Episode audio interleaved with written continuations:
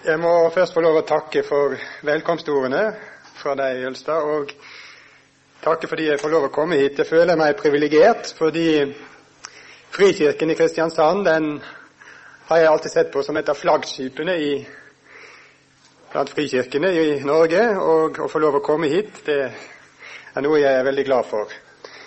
I Bergen er det jo også en som vel regnes blant flaggskipene, og der skal jeg være på lørdag å tale, så jeg har en fin uke nå foran meg med besøk både her i Kristiansand og i Frikirken i Bergen.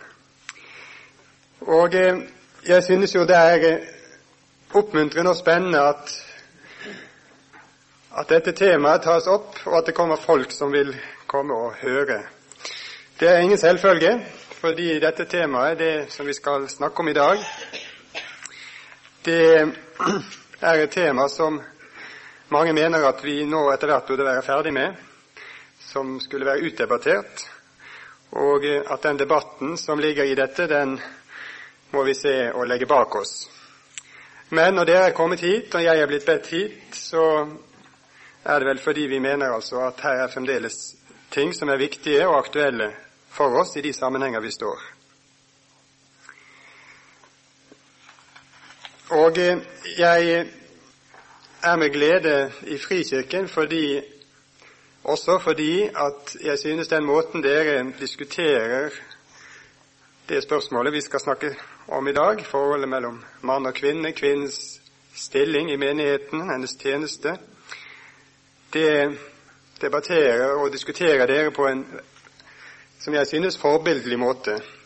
Mens vi i statskirken kommer opp i konfrontasjon og kamp veldig fort på dette området, så fører dere en debatt som er saklig og preget av gjensidig respekt for ulike standpunkter. Og Det gjør at jeg også med glede kommer hit, fordi jeg vet at selv om vi kan kanskje ha forskjellige meninger, også dere som er her, på et og annet, så, så kan vi få en meningsutveksling i saklighet og i respekt for hverandre.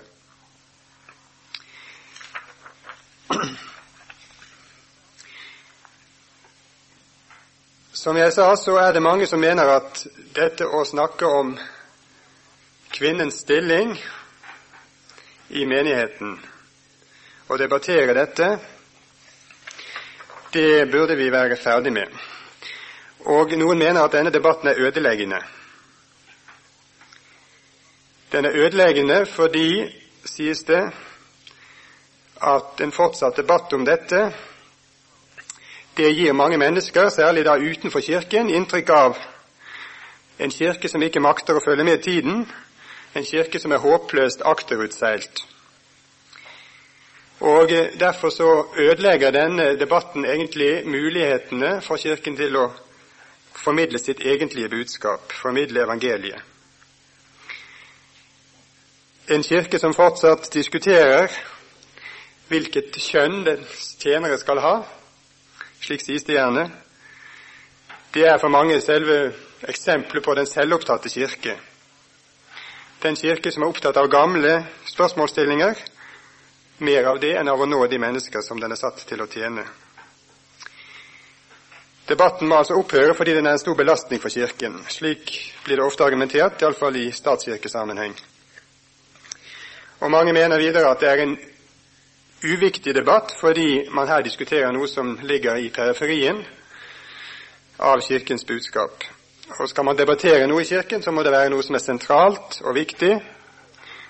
Tid og krefter må brukes på å verne om det grunnleggende, de kristne sannheter.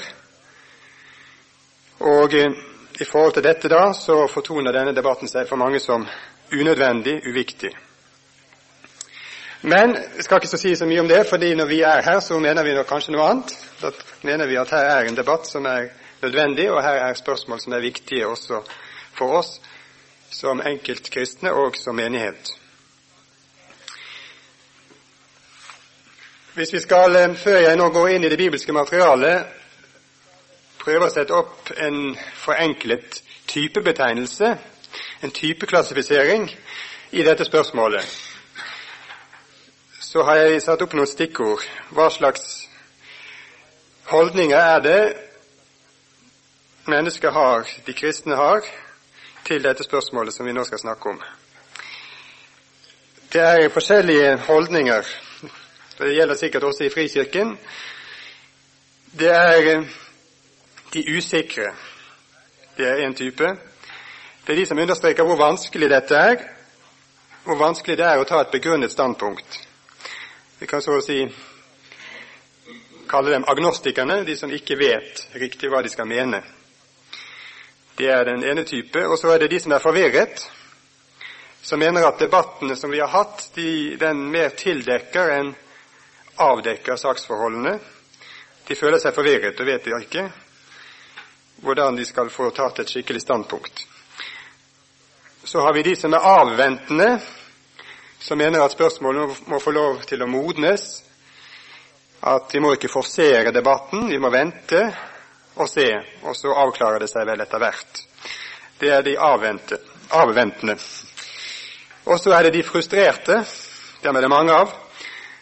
Det er de som er fylt av sorg og fortvilelse. De er blitt inderlig lei hele debatten, og eh, de vil altså ha den avblåst så fort som mulig. Så er det de nyomvendte, anførselstegn. Og det er ofte de som er de ivrigste i debatten, det er de som da har hatt ett standpunkt, og så har skiftet standpunkt. Og eh, de vil da ofte ha konvertittens glød, den nyomvendtes glød, når det gjelder å kaste seg inn i debatten. Så er det de likegyldige, og dem er det mange av. Og dem er det vel i statskirkesammenheng de fleste av. Og de mener at hele debatten da, som jeg har sagt, den er nokså uvesentlig, og det er det samme her om man er for eller imot f.eks. da kvinnelige prester. Det er de likegyldige.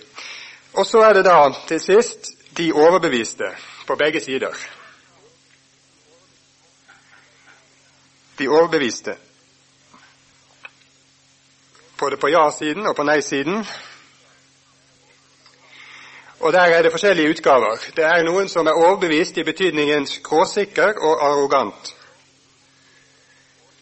som ikke makter å kombinere fasthet med åpenhet for andre synspunkter. Men heldigvis er det også dem som nettopp fordi de vet hva de selv står for og er trygg på det, så kan de sette seg inn i andre standpunkter og respektere dem. Men altså, blant de overbeviste så er det igjen ulike typer. Ja, det, alt dette finner vi, disse forskjellige typene. Og enhver av dere kan vel kanskje finne en betegnelse som passer. Det får dere ta stilling til selv, men eh, i en eller annen av disse typene er vi vel alle sammen.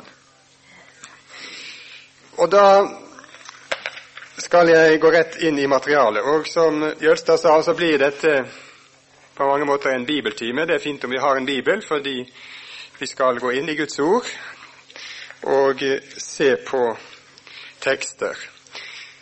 Og når eh, formuleringen for det første foredraget da lyder at vi skal se på kvinnens tjeneste, det positive altså, så betyr det at vi må ikke med en gang gå til disse tekstene hvor kvinnen synes å bli forbeholdt noe, hvor det er noe hun ikke skal gjøre, de vanskelige tekstene. De må vi nok også komme litt inn på, men i utgangspunktet så er det jo positivt formulert.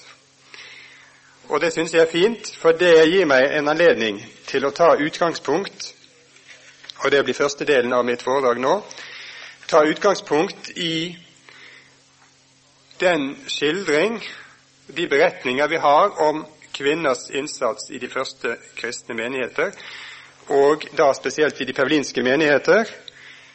Og det bildet vi der finner av kvinnene som medarbeidere for og med evangeliet. Det blir det første. Disse beretningene, beskrivelsene vi har av kvinnenes tjeneste i menigheten.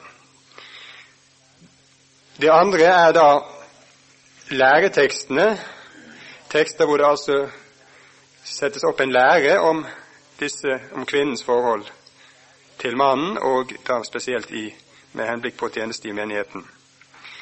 Det er altså to typer tekster. Det ene er berettende tekster, skildrende tekster. Det andre er læretekster. Og De to skal jeg kort ta for meg. Kort blir det vel ikke, men altså jeg får ikke tid til å si så mye fordi, som jeg ville. Men jeg legger best vekt på det første, de beretningene om kvinnens tjeneste. Og så skal jeg ta for meg én læretekst. Får ikke tid til å ta mer enn én, og det må bli teksten i andre Timotius, for den er Motius 2 fordi den er interessant fordi den stadig spiller en større og større rolle i debatten, og den tolkes etter hvert på mange forskjellige måter. Så den skal jeg gå spesielt inn i. Og Det blir eh, da de to hoveddelene av første foredrag.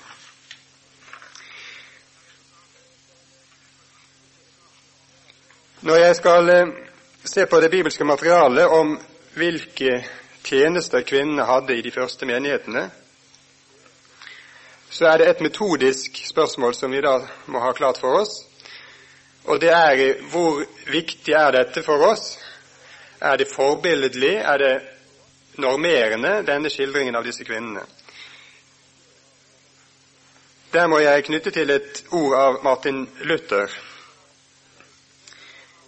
Han sier at vi skal ikke nødvendigvis gjøre alt det de hellige, de kristne, gjorde, men vi skal gjøre det Skriften pålegger oss å gjøre. Og Den forskjellen der er viktig metodisk. Og den er genialt formulert av Luther, fordi han har der sagt noe som i moderne metodelære sies på en veldig fin måte slik at vi må skille mellom faktisitet og normativitet. Det var veldig fint, men jeg skal forklare det. Altså Vi må skille mellom det som faktisk beskrives, en skildring, en beretning, og det som er normativt, det som pålegges oss som en bindende, forpliktende norm. Det er ikke nemlig slik at alt det som skildres i Bibelen, uten videre skal være forpliktende for oss. Et eksempel i 1. Korinterbrev 11 så skildres det et måltid som vi gjerne kaller agapemåltidet, kjærlighetsmåltidet. Det skildres, det berettes om det.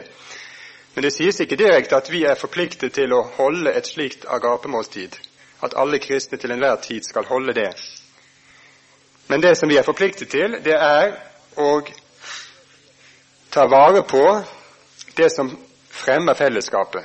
Det er det agapemåltidet står for. Å fremme fellesskapet. Det er nyttig, og det er verdifullt. Det gjør vi kanskje i andre former. Det kan være kirkekaffen. Kanskje den erstatter agapemåltidet. Jeg vet ikke, men iallfall poenget er at vi skal fremme fellesskapet, men kanskje ikke akkurat i agape-formen.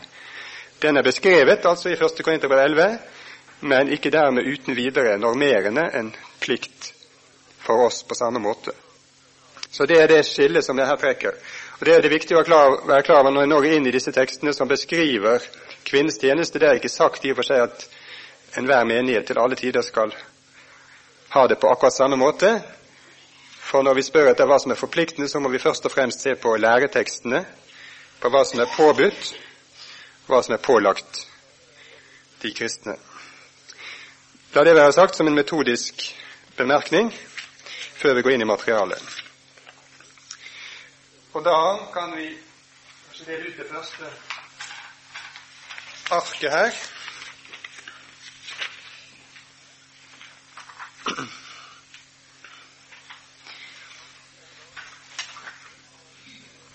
Det er bare en opplistning av en del av kvinneskikkelsen i Det nye testamentet, så dere har noen navn present foran dere. Vi skal ikke gå gjennom den listen punkt for punkt, men eh, det er en interessant liste som dere kan se litt nærmere på ved andre anledninger, kanskje.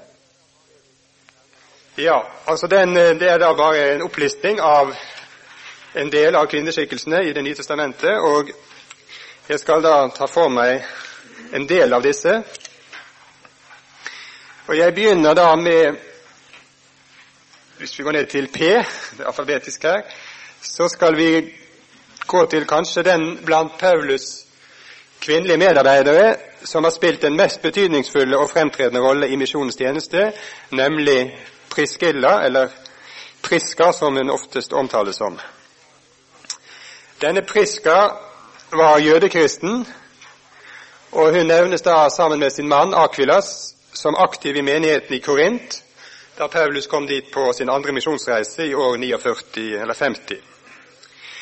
Og dette ekteparet hadde slått seg ned i Korint etter at de var blitt fordrevet fra Roma under det såkalte Claudius-ediktet.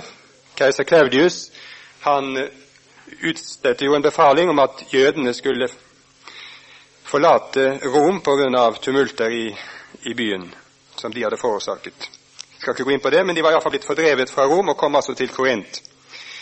Og eh, bymisjonen i Korint den synes å ha utgått fra og hatt sitt sentrum i hjemmet til Priskas og Akvilas. Apostelgjerningen 18 er dette. Og etter 18 måneders eh, fremgangsrik virksomhet i Korint så følger ekteparet med Paulus til Efesos, apostelgjerningen 18, 18. Og også her samler de en ny husmenighet omkring seg. Det vet vi ut fra 1. Korinterbrev 16, 19. For der står det at Akvilas og Priska, menigheten som samles i deres hus, hilser dere hjertelig Herrens navn. Og Vi vet at 1. Korinterbrev er skrevet fra Efesos, slik at eh, det da er sannsynlig at de hadde en husmenighet og ledet den i Efesos, dette ekteparet. Og Vi leser videre i apostelgjerningene at de tok seg av Apollos, en skriftlærd jøde fra Alexandria, og ga ham undervisning om Guds vei, som det står i apostelgjerningene 1826. Og Senere så leser vi om dette ekteparet at det vender tilbake til, til Roma. Dette, denne forordningen som Claudius hadde utstedt, ble opphevet da han døde i år 54, og da vendte de tilbake til Roma. Og Også der i Roma så blir hjemmet deres et slags mobilt menighetssenter. For eh, Paulus hilser i Romerbrevet kapittel 16 vers 5 Priska og Akvilas og menigheten som samles hjemme hos dem. 16.5. Og I Romerbrevet 16 så omtaler apostelen dem som sine medarbeidere i Kristi Jesu tjeneste. 16.3. Og Det er en meget interessant betegnelse, medarbeidere i Jesu Kristi tjeneste fordi den betegnelsen brukes ellers av Paulus og medarbeidere som sto ham spesielt nær. Den brukes om Timotius, Romane 16, 1621. Den brukes om Titus, 2. Korinterbrev 8.23. Om Lukas, Filemon 24, og om Epafroditus, Filippane 2.25. Altså de aller nærmeste medarbeiderne til Paulus de omtales på samme måte her som Priska og Akvilas. Og det sies også om dem at de faktisk hadde satt sitt liv på spill for Paulus for å redde ham ved en anledning som vi ikke kjenner til. Det sies her i Romane 16,4. Og Ellers er jo det interessante med dette ekteparet at de fire av de seks tilfellene hvor de nevnes sammen som ektepar, så er det Priska som er nevnt først. Kvinnen er nevnt først. Og det er meget påfallende. Det er kanskje litt påfallende fremdeles i vår tid at man nevner kvinnen først, men den gang, i antikken, var dette meget oppsiktsvekkende i samtiden. Og det er vel en antydning fra Paulus sin side om at når det gjelder innsatsen i menigheten og for evangeliet, så var det kvinnen, Priska, som spilte den mest aktive rolle.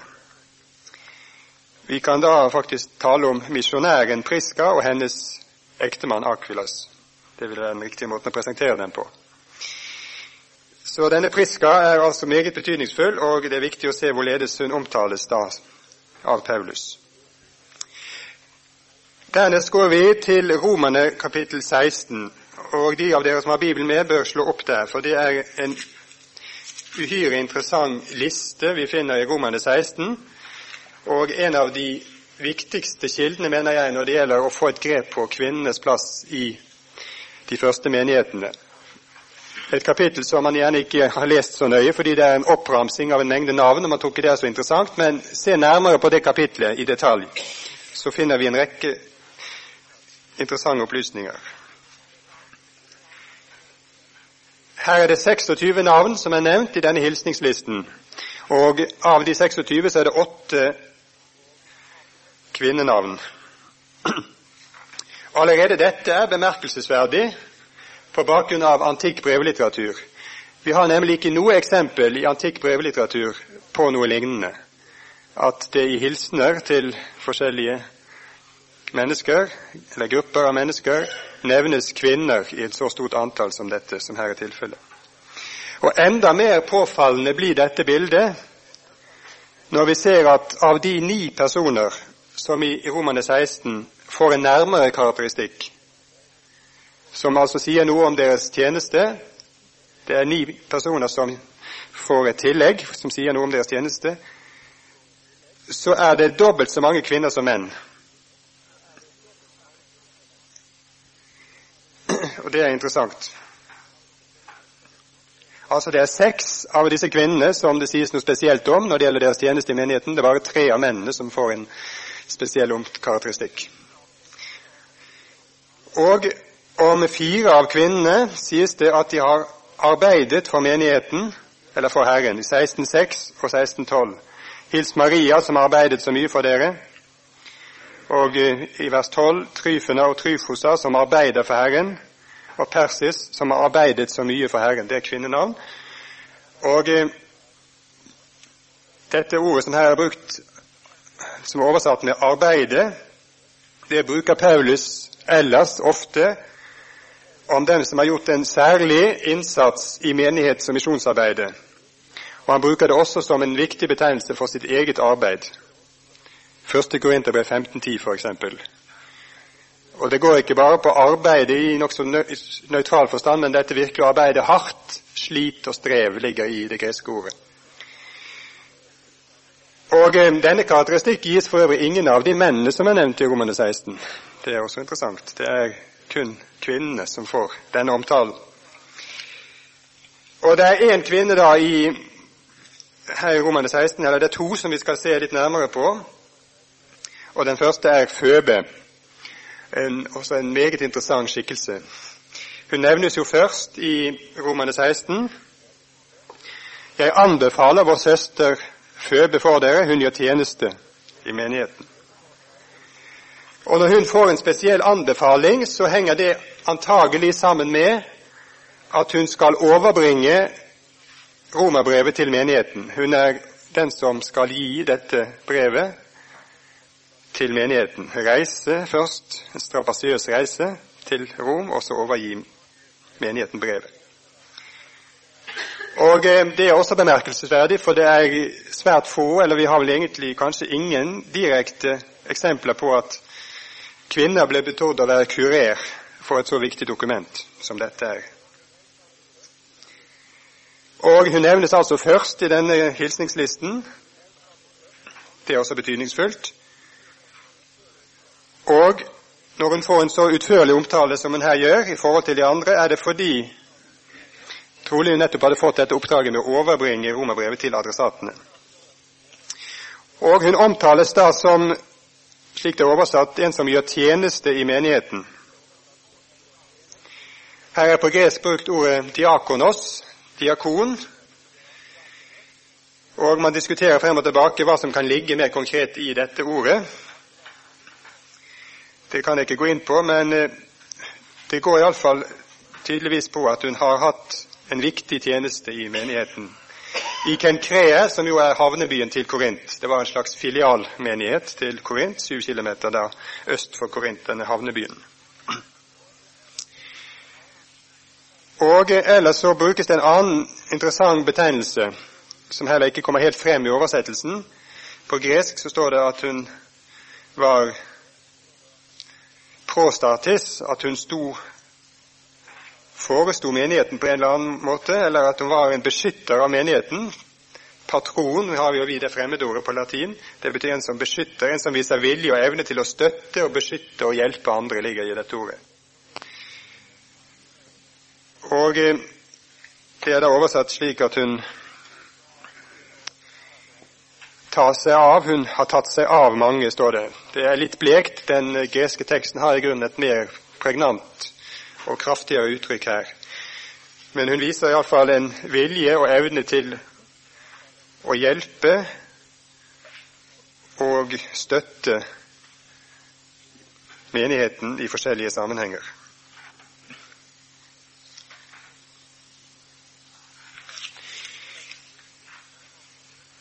Så det er viktig, de to betegnelsene som brukes her om Føbe, diakonos og prostatis på gresk. Og Mange mener at også hun, på samme måte som vi så det med Akulas og Priska, fungerte da som en gjestgiver og vert for menigheten i Kenkrea. At hun var altså den som hadde et større hus hvor menigheten samles. Vi går videre og ser på Junia i vers 6, vers 7 om forlatelse. Det vil si, der vil jeg se et problem, fordi denne Junia er ikke en kvinne i min oversettelse. Hun er en mann. Junias, står det. Nå tror jeg ikke det er nemlig riktig oversettelse. Jeg skal ikke gå inn på grunnene for det, det vil føre for langt. Men med meget sterke grunner kan det hevdes at dette må være en kvinneperson. At det er et kvinnenavn, og at det skal oversettes Junia og Andronikus, at det er muligens da et ektepar. De hadde da ved en tidlig anledning sittet i fengsel sammen med Paulus, sies det, trolig da under en av hans misjonsreiser. Og Så sies det om disse at de hadde et godt navn blant apostlene. Og Det er et tvetydig uttrykk. Hva menes med det? De hadde et godt navn blant apostlene. Det er tvetydig på norsk, og det er tvetydig på gresk. Det kan bety at de selv ble regnet blant apostlene. Blant apostlene på norsk kan det bety at de selv var blant apostlene. Eller det kan bety at de hadde et godt omdømme hos apostlene. At de i apostlenes øyne hadde et godt navn. Vet ikke om dere får med dere den forskjellen? Enten hørte de selv til apostelkretsen, altså, ble talt med blant dem, blant apostlene, eller apostlene anså dem på en god måte, så på dem som dyktige og viktige medarbeidere. Det er veldig viktig for enkelte, det skjønner dere nok. For um, hvis det er slik at disse faktisk, og altså Junia da som en av dem, som kvinne, regnes blant apostlene, så begynner det å bli spennende. Det er jo helt klart. Så dette er et, eh, faktisk eh, et punkt som eh, de som da vil ha et ja-standpunkt i kvinnepressspørsmålet, er meget interessert i. For her kan man jo faktisk finne et argument som er nokså utslagsgivende. Skjønt det spørs Jeg mener likevel ikke dette er avgjørende, fordi vi må da være klar over hvorledes apostelbegrepet brukes. Selv om det skulle være slik at Junia og Andronikos her regnes blant apostlene, som jeg nok ikke tror er den mest sannsynlige løsningen, men selv om det skulle være slik, så er det jo ikke slik at apostel er lik de tolv pluss Paulus. Vi vet at apostelbegrepet brukes i Det nye testamentet både i en snevrere betydning om Paulus og de elleve da, i tillegg, de som har møtt den oppstandende og fått en utsendelse av ham direkte. Det er det som konstituerer deres apostelkall. Og så brukes apostelbegrepet på en mer omfattende måte i betydningen menighetsutsending. Det har vi flere belegg på. Første Korinterbrev 9.5, 2. Korinterbrev 8.23 f.eks. Hvor det brukes som en større gruppe av omreisende misjonærer og menighetsutsendinger. Til forskjell fra den snevre betydning av postbegrepet. Så hvis Junia da er å regne blant apostlene, så betyr det at hun er regne blant menighetsutsendingene. Spørsmålet er da om hun f.eks. kan regnes, inkluderes blant de apostler som Paulus nevner blant nådegavene i 1. Korinterbrev 12,28. Der nevnes det jo at noen har, er vel alle apostler, er vel alle profeter. Spørsmålet er hvorledes bruker han apostelbegrepet. Bruker han det her i den videre betydning? I så fall så kan Junia kanskje sies å ha denne nådegaven. Ja, et eh, litt sånn eh, skjult ord, dette her, men som har store implikasjoner, alt dette som man tolker det. I alle fall, poenget er at det er en fremtredende rolle som denne Junia tilskrives. Det er det ingen tvil om. I, eh, da forlater jeg Romane 16, men studer den gjerne i ro og mak ved en senere anledning. Den er virkelig spennende lesning hvis man først har tid til å lese detaljene. Jeg går over til eh, bokstaven N. Der har vi nymfa på listen, som da er en kvinne som er omtalt i Kolosserbrevet i menigheten i Laudikea. Og igjen har vi her et problem, fordi eh, hvis dere sitter med 1930-oversettelsen, eller hvis dere sitter med Norsk bibel 1988, så har dere her en mann for dere. Men sitter dere med norsk oversettelse av 78, så har dere en kvinne. Så her er det en del slike ja, skal vi kalle det kjønnsmessige transplantasjonsproblemer. Vi har altså igjen et tekstkritisk problem, jeg skal ikke gå inn på det, men i enkelte håndskrifter så står det da nymfa og menigheten som samles hjemme hos henne, i andre menigheten som samles hjemme hos ham. Og eh, jeg tror det er med meget gode grunner at man nå oversetter i Bibelselskapets oversettelse dette som et kvinnenavn. Og eh, Enkelte mener jo at når man har gjort dette til et mannsnavn, både her og det samme gjelder Junia, så er det fordi senere avskrivere de likte ikke dette her at kvinnen ble omtalt på en så positiv måte og i slike såpass fremtredende stillinger som de her synes å ha hatt. Og så har man da bevisst gjort deres navn om til et mannsnavn. Det var en fin måte å bli kvitt dem på. Det skal jeg ikke gå god for om det er forklaringen, men altså håndskriftene varierer iallfall her når det gjelder nymfa. Men det sies da om denne at også hun er en vertinne, eller vert skal vi vel si nå, vi har vel ikke lov å si vertinne. Hun er vert for en husmenighet i Ladukea. Og dette er viktig, en viktig funksjon. Vi har flere slike som er gjestgivere og verter for husmenigheter. Vi kjenner jo fra apostelgjerningene den rike purpurhandlersken i Filippi, Lydia. Også om henne så står det jo at hun stilte sitt hus til disposisjon, og huset hennes i Filippi ble jo faktisk det første europeiske misjonssenter. Og vi har i Apostelgjerningen 16, og vi har i apostelgjerningene 12 så står det om Maria, mor til Markus Johannes. Hun eide et hus i Jerusalem der urmenigheten samlet seg. Og så har vi altså nymfer her i Ladikea, som er enda et slikt eksempel på kvinner som stilte sine private hjem til disposisjon for menighetens samlinger. Nå fremgår det da ikke av tekstene hvilke bestemte oppgaver dette innebar når de var vertskap. Men dette er blitt eh, nesten en mote nå i nyere forskning å, å se på disse husmenighetene. For det er interessant. Det er den såkalte sosiologiske forskning, som er svært moderne i nytestamentlig sammenheng i dag. Og eh, De mener da at det å være vert for en slik husmenighet det innebærer nok noe mer enn bare dette å stille sitt hus til disposisjon og eventuelt sørge for mat og drikke. De mener at det var en nokså betydningsfull tjeneste som også kunne omfatte andre funksjoner, og at det gikk mye på forvaltning, administrasjon, men kanskje også her er det da viss interesse selvfølgelig på en mer ledende rolle i menigheten, vil enkelte si. At som vertskap så var det naturlig at de også foresto menigheten på en eller annen måte. Men her må vi da si at teksten ikke sier noe konkret. Vi får ikke vite noe mer bestemt hva denne vertskapsrollen innebar. Vi iler videre og hopper litt opp på listen til bokstaven E. Der har vi Evodia, og hun nevnes jo da sammen med Syntyke. Disse to som er nevnt i Filippene, kapittel 4, vers 2 og 3. Det er eh, et interessant par, to kvinner disse. De nevnes jo fordi at de i og for seg lå i, i strid, og Paulus må oppfordre dem til å komme til enighet. Men eh, det som er interessant i vår sammenheng, det er det som sies om dem, nemlig at de omtales som apostelens medarbeidere, og som de som hadde kjempet med ham for evangeliet, sies det i vers 3. Kjempet med Paulus for evangeliet. Nå kan vi heller ikke her mer konkret si hva denne kampen for evangeliet innebærer, hva deres tjeneste bestod i mer konkret. Men det er ingen tvil om at de får en meget stor anerkjennelse her fra Paulus sin side. Han verdsetter deres medarbeiderskap meget høyt.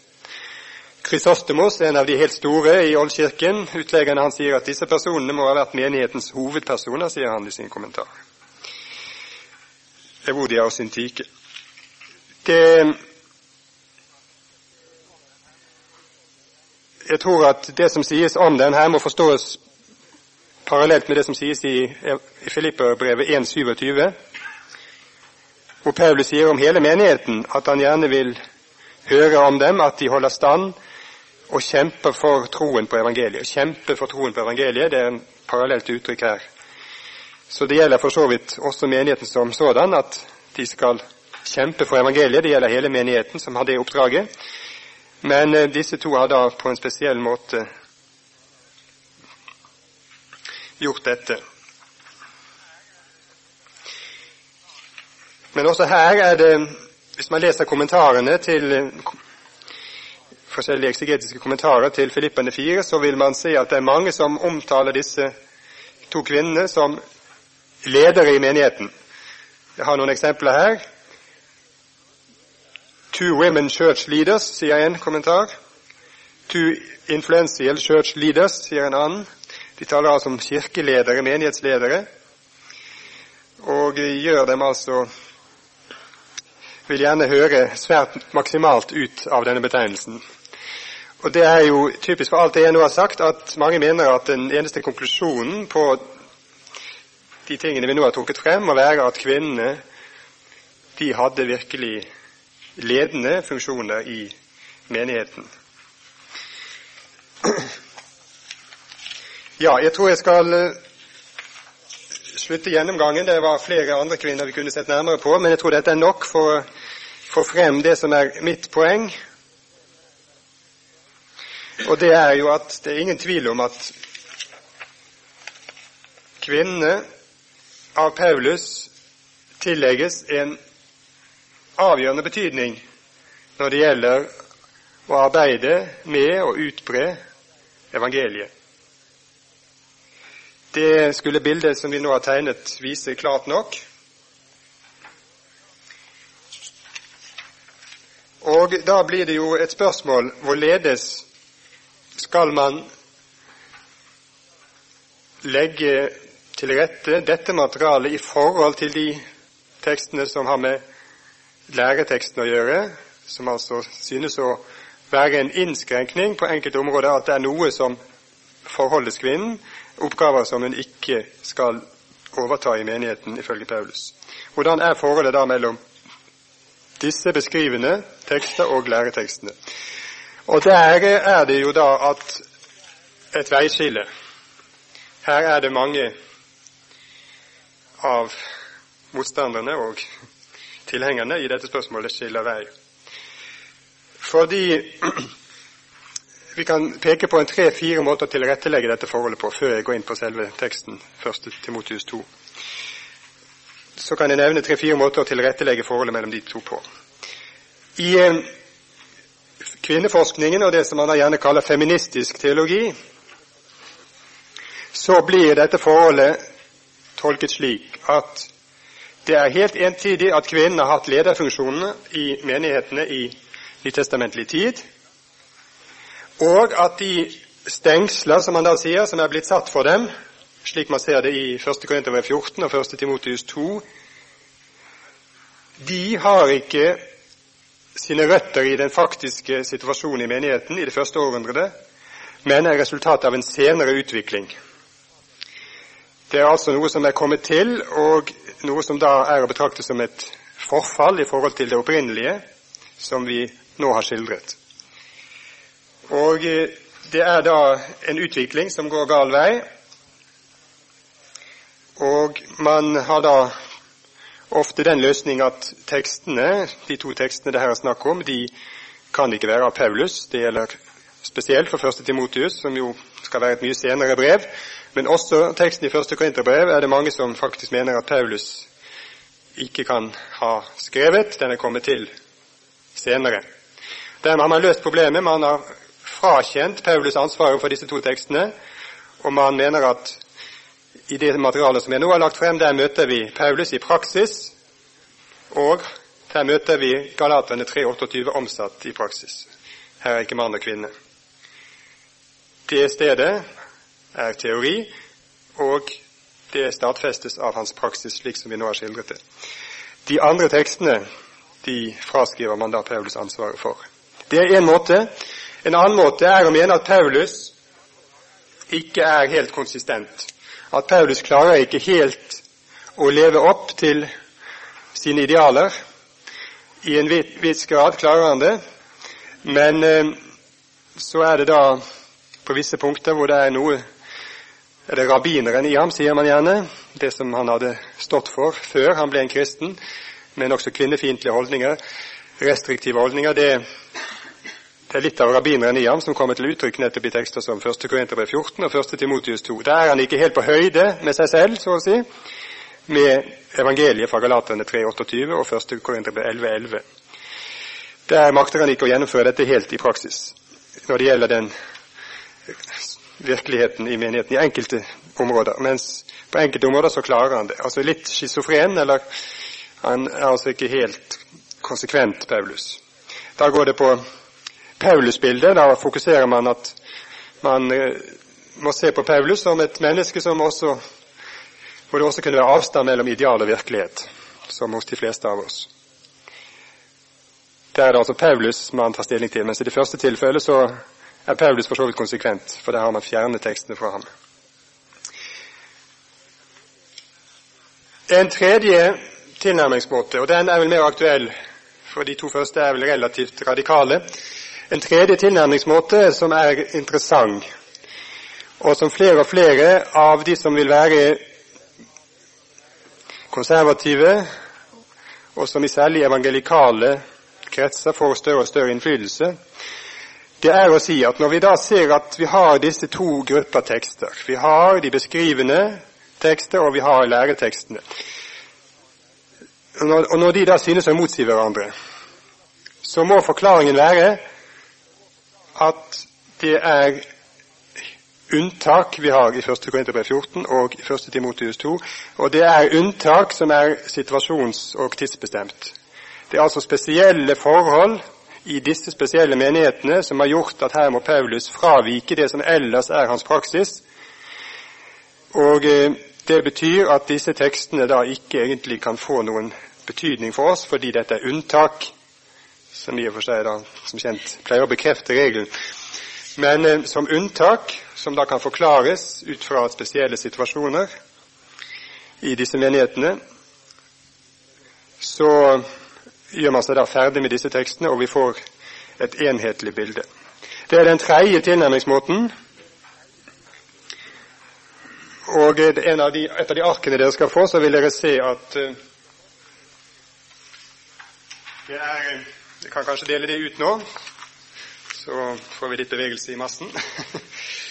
det er en interessant artikkel som jeg ber dere studere nøye som har stått i Vårt Land i juni i fjor, av en av dem som har jobbet mest i Den norske kirke med dette spørsmålet, og som da har havnet på et ja-standpunkt, hvor, eh, som heter Bent Reidar Eriksen, sogneprest i Drammen, nå i årssiden, og eh, hvor han konkluderer nettopp med dette at disse tekstene som er så vanskelige, de er kulturbetinget. Og han viser nettopp til at ellers ville jo Paulus måtte motsi seg selv. Jeg kan bare se på, på det arket på punkt fire i annen spalte.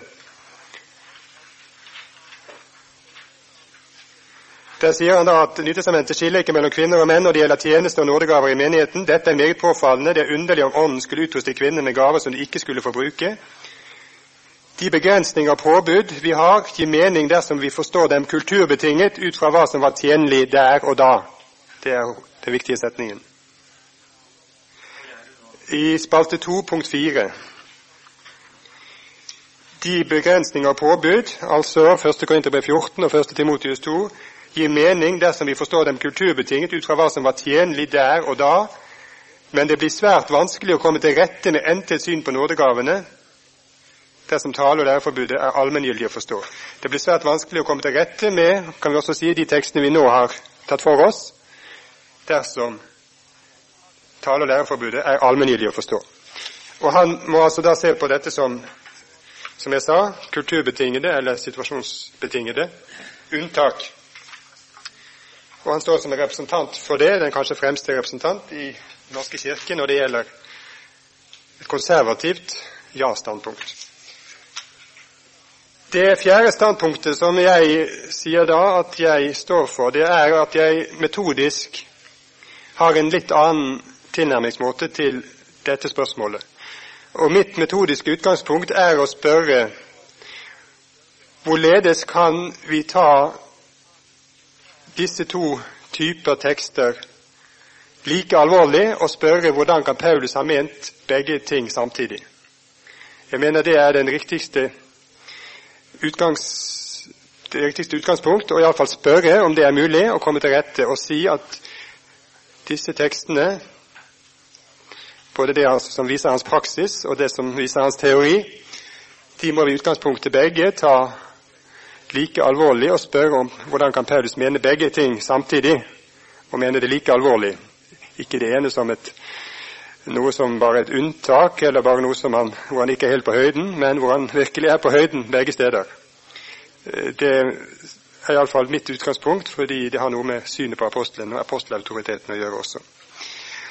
Vel, jeg har skissert fire, det finnes sikkert andre også, men fire posisjoner.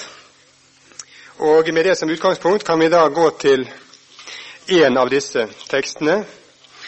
I Oslo var det vel første kor jeg tok, tror jeg, hvis jeg husker rett. Men eh, som jeg sa i sted, så tror jeg vi skal eh, konsentrere oss om den andre teksten. Første Timotius 2. Og det gjør jeg også fordi første kor 14 kan Det er mange vanskelige spørsmål der, og den kan sies å være uklar på en del områder. Men vi skal som kjent tolke de uklare tekstene i lys av de klare. Det er et luthersk prinsipp. Og de fleste vil mene at 1. Timotius 2 er relativt klar. Man er uenig om hvordan dette skal anvendes, hvordan det skal overføres, om det kan og skal overføres, men det er større enighet om selve forståelsen av teksten i 1. Tim 2 enn forståelsen av teksten i 1. Kor 14. Så Derfor så kan det være nyttig å ta den som utgangspunkt. Men eh, hvis dere ser på arket, så vil jeg så vil dere se en kanskje litt overraskende ting, og det er at den perikopen, som vi gjerne sier det, det avsnittet, tekstavsnittet som man her bør se på som en enhet, det er ikke bare versene 11 til 15, men det er fra vers 9, og det er og det er kanskje litt oppsiktsvekkende, det er faktisk også begynnelsen av kapittel 3. Det der er et litt uh, finurlig en finurlig sak. Dette er et troverdig ord. Det mener jeg nemlig skal stå som avslutning på dette avsnittet om kvinnen. Og Det for så vidt mener ikke jeg som en privatmening. I de nyeste greske tekstutgavene så er dette satt slik opp at det må tas til det foregående. Dette er et troverdig ord, ikke altså om det som kommer om tilsynsmannen, men som en avslutning på det som sies om kvinnen. Det er et troverdig ord. Dette er en formel som brukes i pastoralbrevene fem ganger. Dette er troverdige ord. Og av grunner som vi ikke kan komme inn på her, så er det mest sannsynlig, tror jeg, at det skal tas til som avslutning på det avsnittet. Og det er litt viktig, for dermed det bekrefter altså betydningen og viktigheten av dette avsnittet.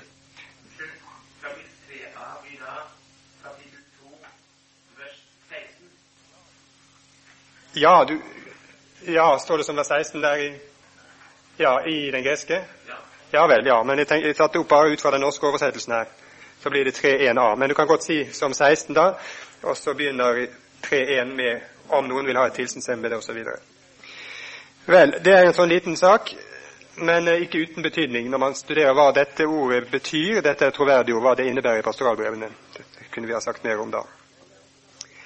Men det er også der mange som mener at det er viktig å begynne i vers 9 og det mener de fordi de har noen baktanke, enkelte av de som understreker det sterkt. Fordi de sier ja vel, det er vers 9 som begynner å tale om kvinnen her. Og, sier man, det er ikke redelig å begynne bare i vers 11 og se bort fra vers 9 og 10. Fordi i vers 9 og 10 så er det jo nokså opplagt at det som det der snakkes om, det er på mange måter tidsbetinget. Det er ut fra sømmelighetshensyn, det som der sies om kvinnen som skal ha en fin fremtreden. Og eh, hvorledes en fin fremtreden er, det vil nå variere etter kultur og sted og tid. Og det er klart at her kan man lett argumentere med at det som er sagt i vers 9 og 10, det er tidsbetinget og skal ikke overføres uten videre. at hun skal ha en fin fremtreden. Det gjelder for så vidt til enhver tid, men måten den fremtreden ytrer seg på, den kan være forskjellig. Og, sier man, når det er slik da i vers 9 og 10, så er det rimelig at det må være noe lignende fra vers 11. Det er derfor man vil ha med disse versene.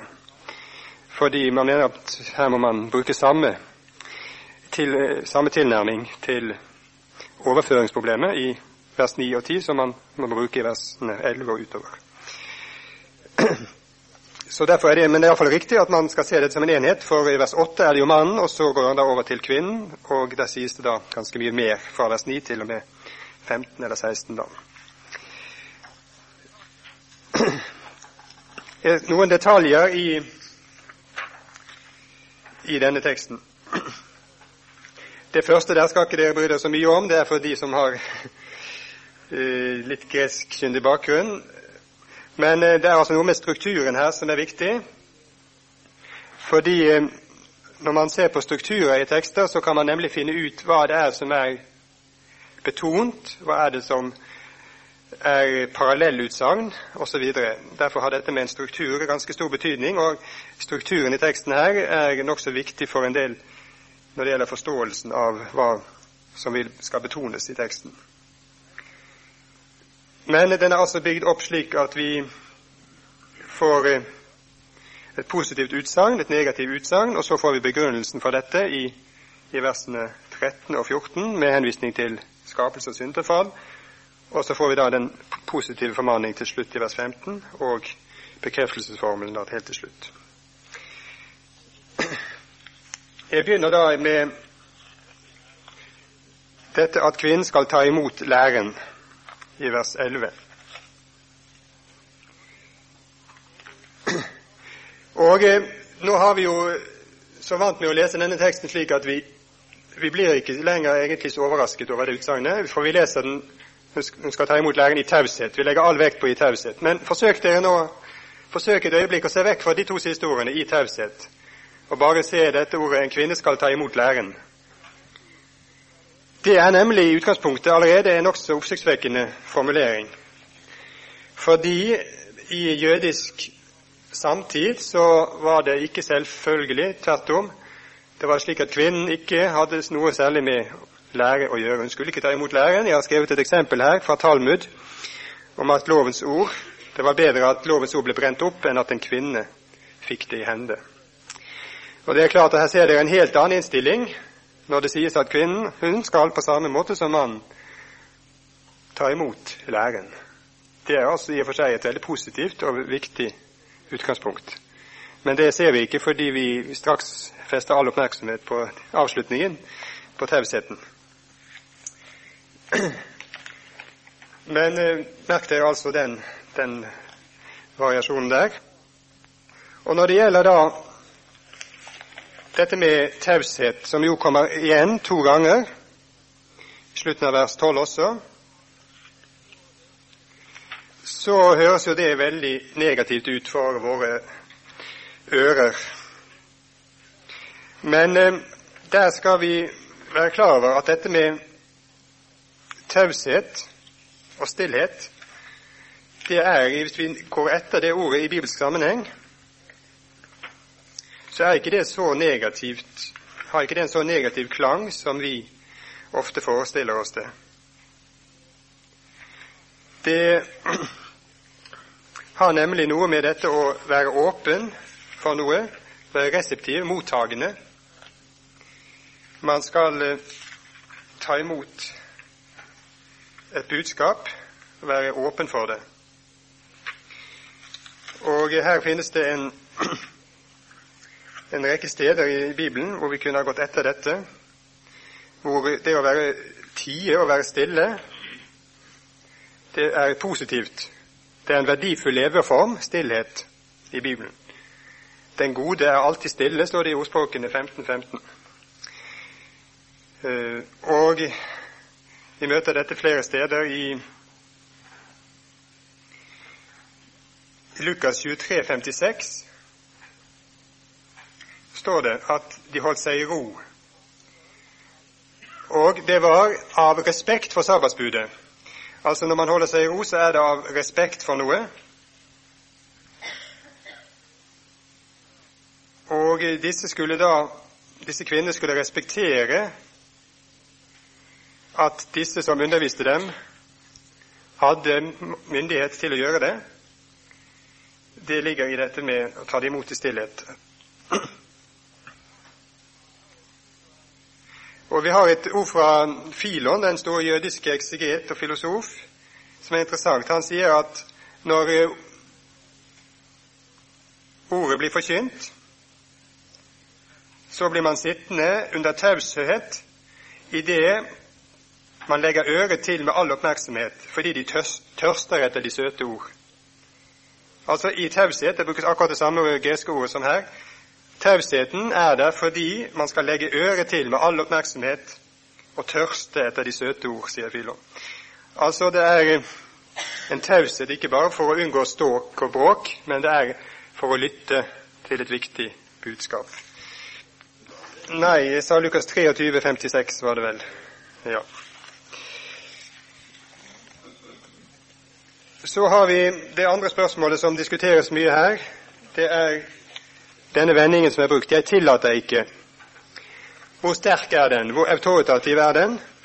Det har vært en del debatt om det også i dagspressen, hvor enkelte mener at dette er et nokså svakt uttrykk, og uttrykk for en en råd eller en privat mening som forfatteren, Paulus, da eventuelt har. Jeg tillater ikke. Det er, det er mye mildere enn å si at 'jeg forbyr', har enkelte argumentert. Det kan ikke gå inn på selve argumentene for dette, men jeg tror ikke det holder å si det. Fordi det er noe autoritativt i denne vendingen. Det ser vi andre steder i Nytestamentet. Det er jo en lignende formulering han bruker i første kor 14. Og eh, undersøker man ordet nærmere, så er dette et nokså sterkt ord.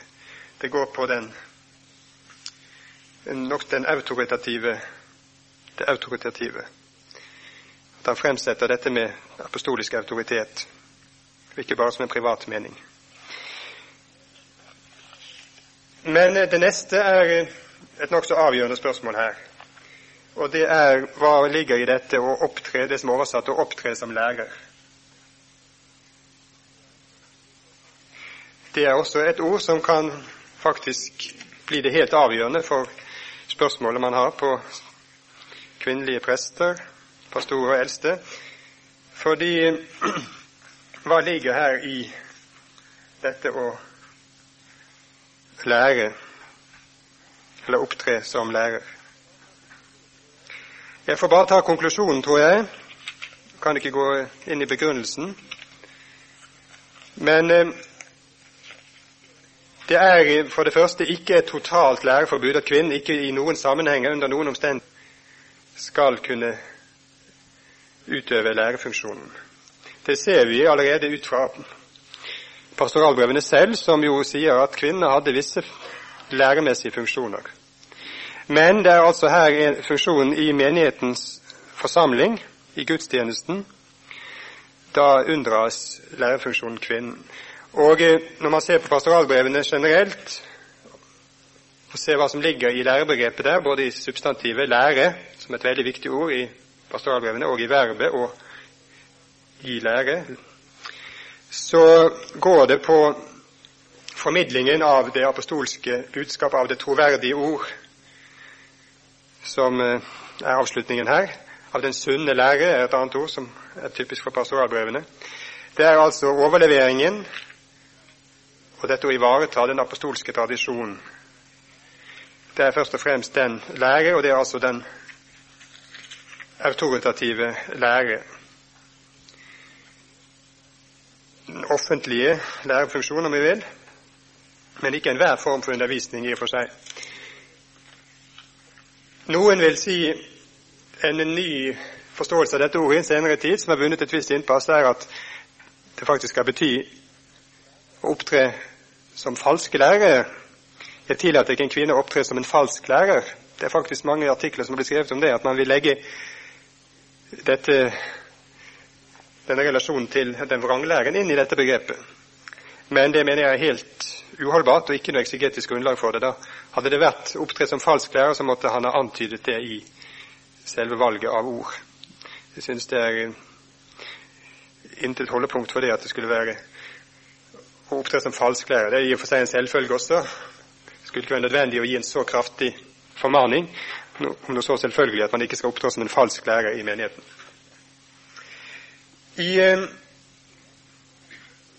punkt E på arket Jeg må løpe veldig fort gjennom det.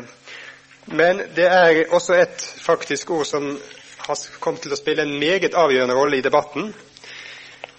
Det er vanskelighet fordi dette ordet forekommer kun dette ene sted i Det nye testamentet. Men dere vil se på det arket som dere fikk av Eriksen. Han kommer inn på dette. Og eh, han mener kort og godt at dette ordet har en helt spesiell betydning. Det går ikke på dette å, råde over, som vi gjerne har sagt det, altså være herre over, som det er oversatt. Det tillater ikke en kvinne å opptre som lærer og ikke å være herre over mannen. Han mener at dette ordet betyr noe så spesielt som å opptre seksuelt forførende overfor mannen. Det er en lang bak, bakgrunn for det, men han mener at det er den sannsynligste. Det er en trend som har satt seg gjennom faktisk i store deler av den evangelikale beforskning internasjonalt.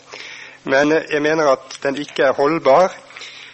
Man må da gå til utenombibelske kilder, fordi ordet forekommer altså bare dette ene stedet i Nytestamentet. Vi har ingen hjelp fra Nytestamentet. Vi må se på andre kilder. Og eh, der er det nå kommet en avgjørende undersøkelse hvor man har hatt et mye større material som man har undersøkt når det gjelder dette ordet.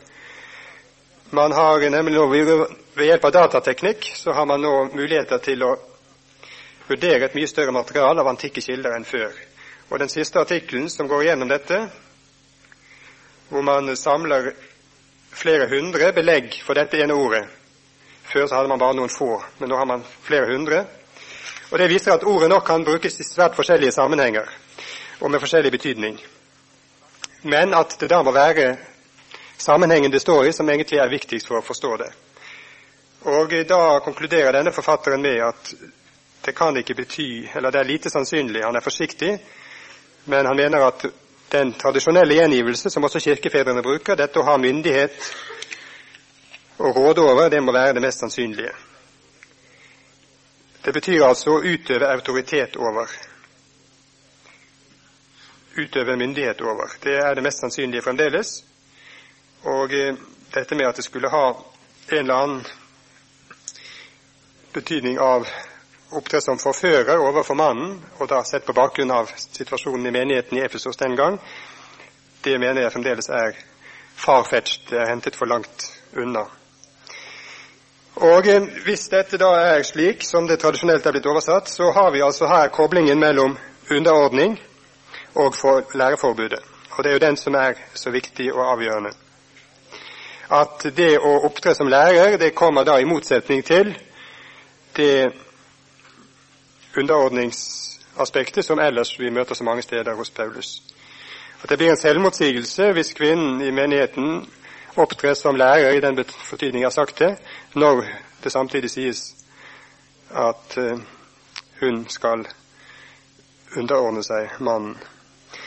Det må være argumentasjonen her. Når det gjelder de to siste, så skal jeg ikke si noe om den for så vidt spesifikt når det gjelder begrunnelsen i vers 13 og 14. Men det er, jeg skal gjøre oppmerksom på at mer og mer så vinner den argumentasjon innpass også inn i konservative kretser at her er det ikke kristen så å si, teologi og begrunnelse, men her er det rabbinsk. Det henger jo litt sammen med hvem man anser som forfatter her, men de fleste Det er kommet en meget stor bok på tysk som synes å bli en klassiker nå etter hvert, og som heter Schweigen, Schmuck und Schleier, altså stillhet, pynt og slør. Og merk dere undertittelen. Drei neutestamentliche Forskriften zur Verdrängung der Frauen auf dem Hintergrund einer frauenfeindlichen Exegese in antikken judentum. Det var vanskelig, men poenget er at denne forfatteren mener at de tekster som taler om at kvinnen skal tie, som taler om hennes slør, som taler om hennes uh, smykke, slik som vi har det foran her, pynt osv., de er alle sammen avhengig av en rabbinsk, kvinnefiendtlig måte å tolke Det gamle testamentet på. Og forfatteren av pastoralbrevene han er da mer rabbinsk, fariseisk, enn han er kristen. Og Det betyr at argumentasjonene som er brukt i vers 13 og 14, de kan vi ikke som kristne overta. Da er vi rabbinere, fariseere, og vi er ikke kristne. Og Det er det siste arket dere får nå, skal jeg slutte. Men det er han som skriver denne kjempeboken på tysk, og som da stadig flere og flere viser til. Han har selv satt opp en oversettelse av Ja, fikk du hele? Nei. Han har selv satt opp en oversettelse av 1. Tim 2, 8-15, hvorledes han mener denne teksten burde lyde hvis den skulle være skikkelig kristelig. I motsetning til slik den nå står. Og Det er interessant, fordi her ser vi hvordan han resonnerer og tenker. Og hvor man ser på denne teksten som rabbinsk og ikke som kristen. Han heter Kysler, KU med tødler, CHLER, Max Kysler. Schweigen, Schmuck und Schleier er tittelen fra 1986. Og en aller nyeste kommentaren til pastoralbrevene, en tjukk kommentar på tysk av en relativt konservativ tysk teolog som heter Roloff. Han viser da hele tiden i sin utlegning til nettopp til den boken. Den blir det nye standardverket.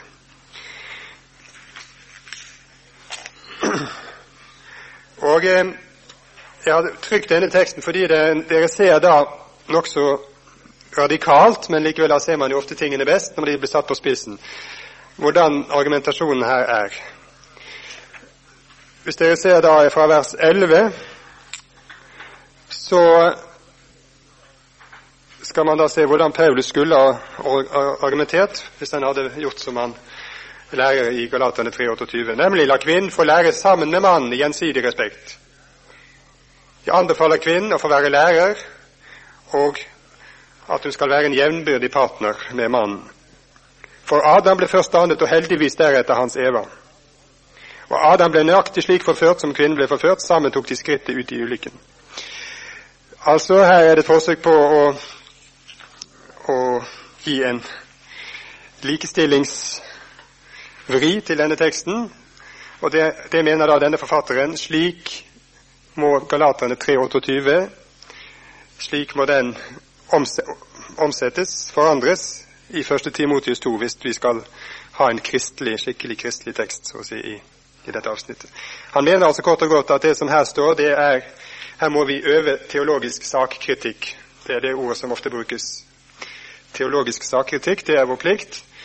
Og også å finne ut fra midt, midten, sentrum, i Skriften, så må vi da kritisere ting som ikke holder stand når vi bedømmer det ut fra sentrum evangeliet. Vel, her, her, ser dere altså at det er viktige prinsipielle skiller som da trekkes opp. Og det har med synet på Skriftens autoritet, det har med synet på apostelens autoritet å gjøre. Og eh, Denne teksten da bare nevnt i stikkord. Vi kan kanskje komme tilbake på den i samtalen. Jeg tar pausen her, men resimerer min, mitt hovedanliggende i dette første foredraget. Jeg har vist at det foreligger to typer tekster. Beskrivende, skildrende, som viser hvilken viktig og avgjørende rolle kvinnen har spilt i menighetsarbeidet i de eldste paulinske menigheter. Slik materialet viser oss glimt av det. En oppsiktsvekkende rolle ut fra datidens forhold på mange måter. Jeg har samtidig trukket frem en av læretekstene som synes, ja ikke bare synes, men som helt klart setter at det er noe som vi får bare si noe i utgangspunktet uten å definere dem. Det er noe som forholdes kvinnen, noen ikke, en oppgave hun ikke har. Og spørsmålet er hvorledes tilrettelegger vi forholdet mellom disse to typer tekster. Det er et avgjørende utgangspunkt og et avgjørende skillepunkt for mange i denne debatten. Det var det jeg ville vise, og så kan vi eventuelt komme tilbake til detaljer og spørsmålsstillinger i, i debatten. Ja, takk så langt.